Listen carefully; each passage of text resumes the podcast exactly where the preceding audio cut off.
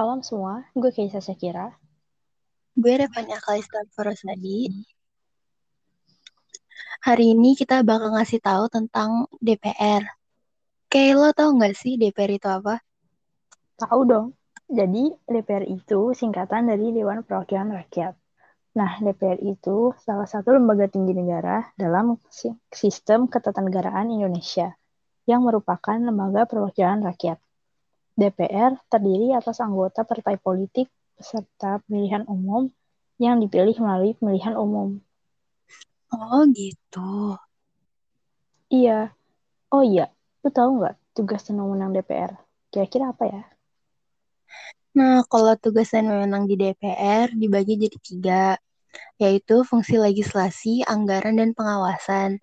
Jadi, kalau fungsi legislasi itu tugas dan wewenangnya, yang pertama menyusun program legislasi nasional, yang kedua menyusun dan membahas rancangan undang-undang, yang ketiga menerima RUU yang diajukan oleh DPD, yang keempat membahas RUU yang diusulkan oleh Presiden ataupun DPD, yang kelima, menetapkan undang-undang bersama dengan Presiden.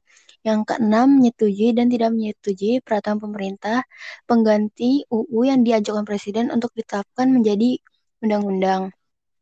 Nah, kalau fungsi anggaran itu tugas dan wewenangnya yang pertama memberikan persetujuan atas RUU tentang APBN yang diajukan Presiden. Yang kedua, memperhatikan pertimbangan DPD atas RUU tentang APBN dan RUU terkait pajak pendidikan dan agama.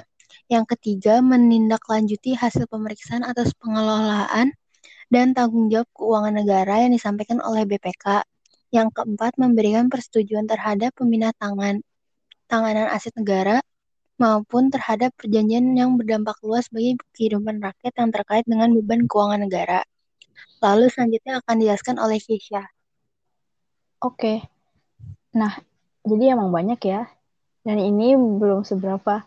Selanjutnya itu ada fungsi pengawasan yang tugas dan wewenangnya satu, melakukan pengawasan terhadap pelaksanaan UU, APBN, dan kebijakan pemerintah.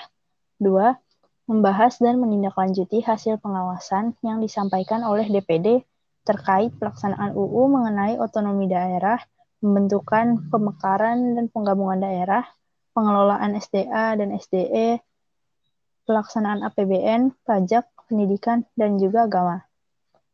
Lalu, DPR juga punya tugas dan wewenang lainnya, yaitu yang pertama, menyerap, menghimpun, menampung, dan menindaklanjuti aspirasi rakyat. Dua, memberikan persetujuan kepada Presiden untuk menyatakan perang atau membuat perdamaian dengan negara lain. Dan juga yang kedua untuk mengangkat dan memberhentikan anggota Komisi Yudisial. Yang ketiga, memberikan pertimbangan kepada Presiden dalam hal satu pemberian amnesti dan abolisi, dua mengangkat duta besar dan menerima penempatan duta besar lain. Empat, memilih anggota BPK dengan memperhatikan pertimbangan DPD. Lima, memberikan persetujuan kepada Komisi Yudisial terkait calon hakim agung yang akan ditetapkan menjadi hakim agung oleh Presiden. 6. Memilih tiga orang hakim konstitusi, konstitusi untuk selanjutnya diajukan ke Presiden. Itu banyak juga ya penjelasan dari DPR. Iya, tapi juga masih ada lagi nih penjelasan yang lainnya, kayak dasar hukum DPR dan hubungan antar lembaga. Oh ya, kalau dasar hukum itu, kalau dasar hukumnya itu apa ya? Kalau dasar hukum DPR itu ada 10. Yang pertama ada pasal 20 ayat 1 UUD 1945. Dewan Perwakilan Rakyat memegang kekuasaan membentuk undang-undang. Yang kedua ada pasal 20 ayat 2 UUD 1945. Setiap rancangan undang-undang dibahas oleh Dewan Perwakilan Rakyat dan Presiden untuk mendapat persetujuan bersama.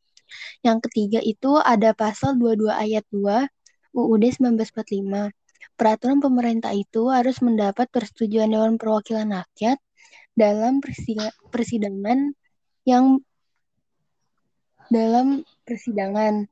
Yang keempat, pasal 23 ayat 2 UUD 1945. Rancangan Undang-Undang Anggaran Pendapat dan Belanja Negara diajukan oleh Presiden untuk dibahas bersama Dewan Perwakilan Rakyat dengan memperhatikan per pertimbangan Dewan Perwakilan Daerah. Nah, yang kelima itu ada pasal 22D ayat 3 UUD 1945. Dewan Perwakilan Daerah dapat melakukan pengawasan atas pelaksanaan undang-undang mengenai otonomi daerah, pembentukan, pemekaran, dan penggabungan daerah, hubungan pusat dan daerah, pengelolaan sumber daya alam dan sumber daya ekonomi lainnya, pelaksanaan anggaran, pendapat dan belanja negara, pajak, pendidikan, dan agama, serta menyampaikan hasil pengawasannya itu kepada DPR sebagai bahan pertimbangan untuk ditindaklanjuti. Nah, yang keenam itu ada pasal 22E ayat 2 UUD 1945. Pemilihan umum diselenggarakan untuk memilih anggota Dewan Perwakilan Rakyat dengan uh, Dewan Perwakilan Daerah, Presiden dan Wakil Presiden, dan Dewan Perwakilan Rakyat Daerah. Yang ketujuh itu ada pasal 24B ayat 3 UUD 1945. Anggota yudisial diangkat dan diberhentikan oleh Presiden dengan persetujuan Dewan Perwakilan Rakyat. Nah, yang ke-8 itu ada 24A, pasal 24A ayat 3 UUD 1945.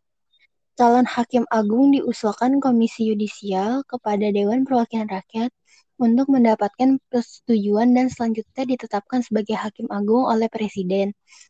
Nah, yang ke-9 ada pasal 14 ayat 2 UUD 1945. Presiden memberi amnesti dan abolisi dengan memperhatikan pertimbangan Dewan Perwakilan Rakyat. Wah, banyak juga ya hukum dasar DPR.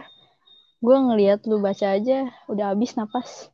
Oh iya, BTW, kita hampir kelupaan nih ngejelasin tentang hubungan antar lembaga. Jadi, hubungan antar lembaga di DPR dan BPK itu merupakan lembaga yang, yang bebas dan mandiri untuk memeriksa pengelolaan tanggung jawab tentang keuangan negara dan hasil pemeriksaan tersebut diserahkan kepada DPR. Kalau DPR dengan Presiden itu memiliki hubungan dalam rangka menjalankan hak legislasi, di mana DPR bersama dengan Presiden bersama-sama melakukan pembentukan, pembahasan, pengubahan, serta penyempurnaan rancangan undang-undang yang nantinya dapat menjadi undang-undang dasar.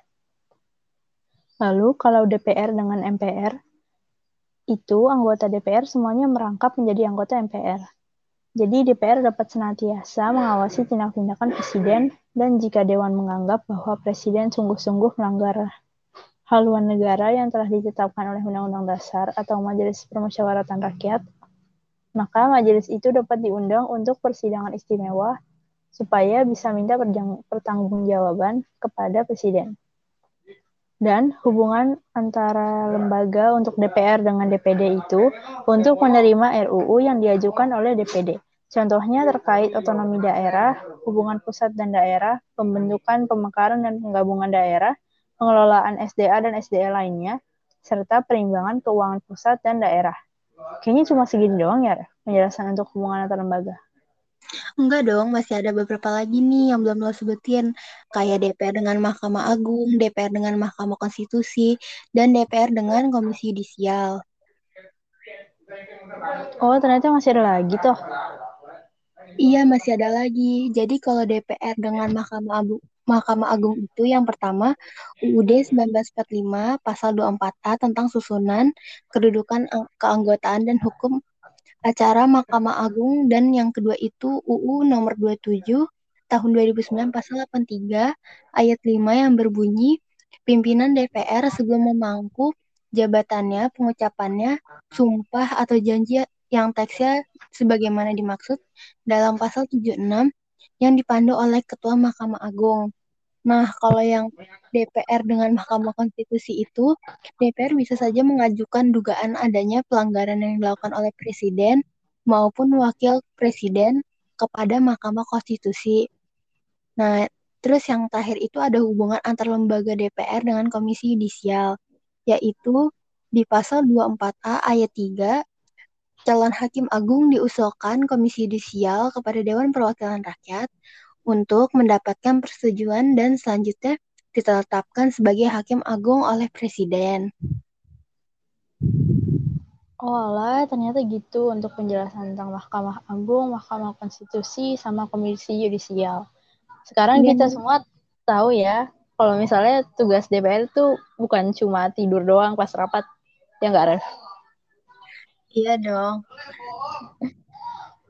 Oke, sampai sini aja pembahasan kita kali ini. Maaf jika ada kata kurang berkenan. Terima kasih semuanya. Salam. Salam.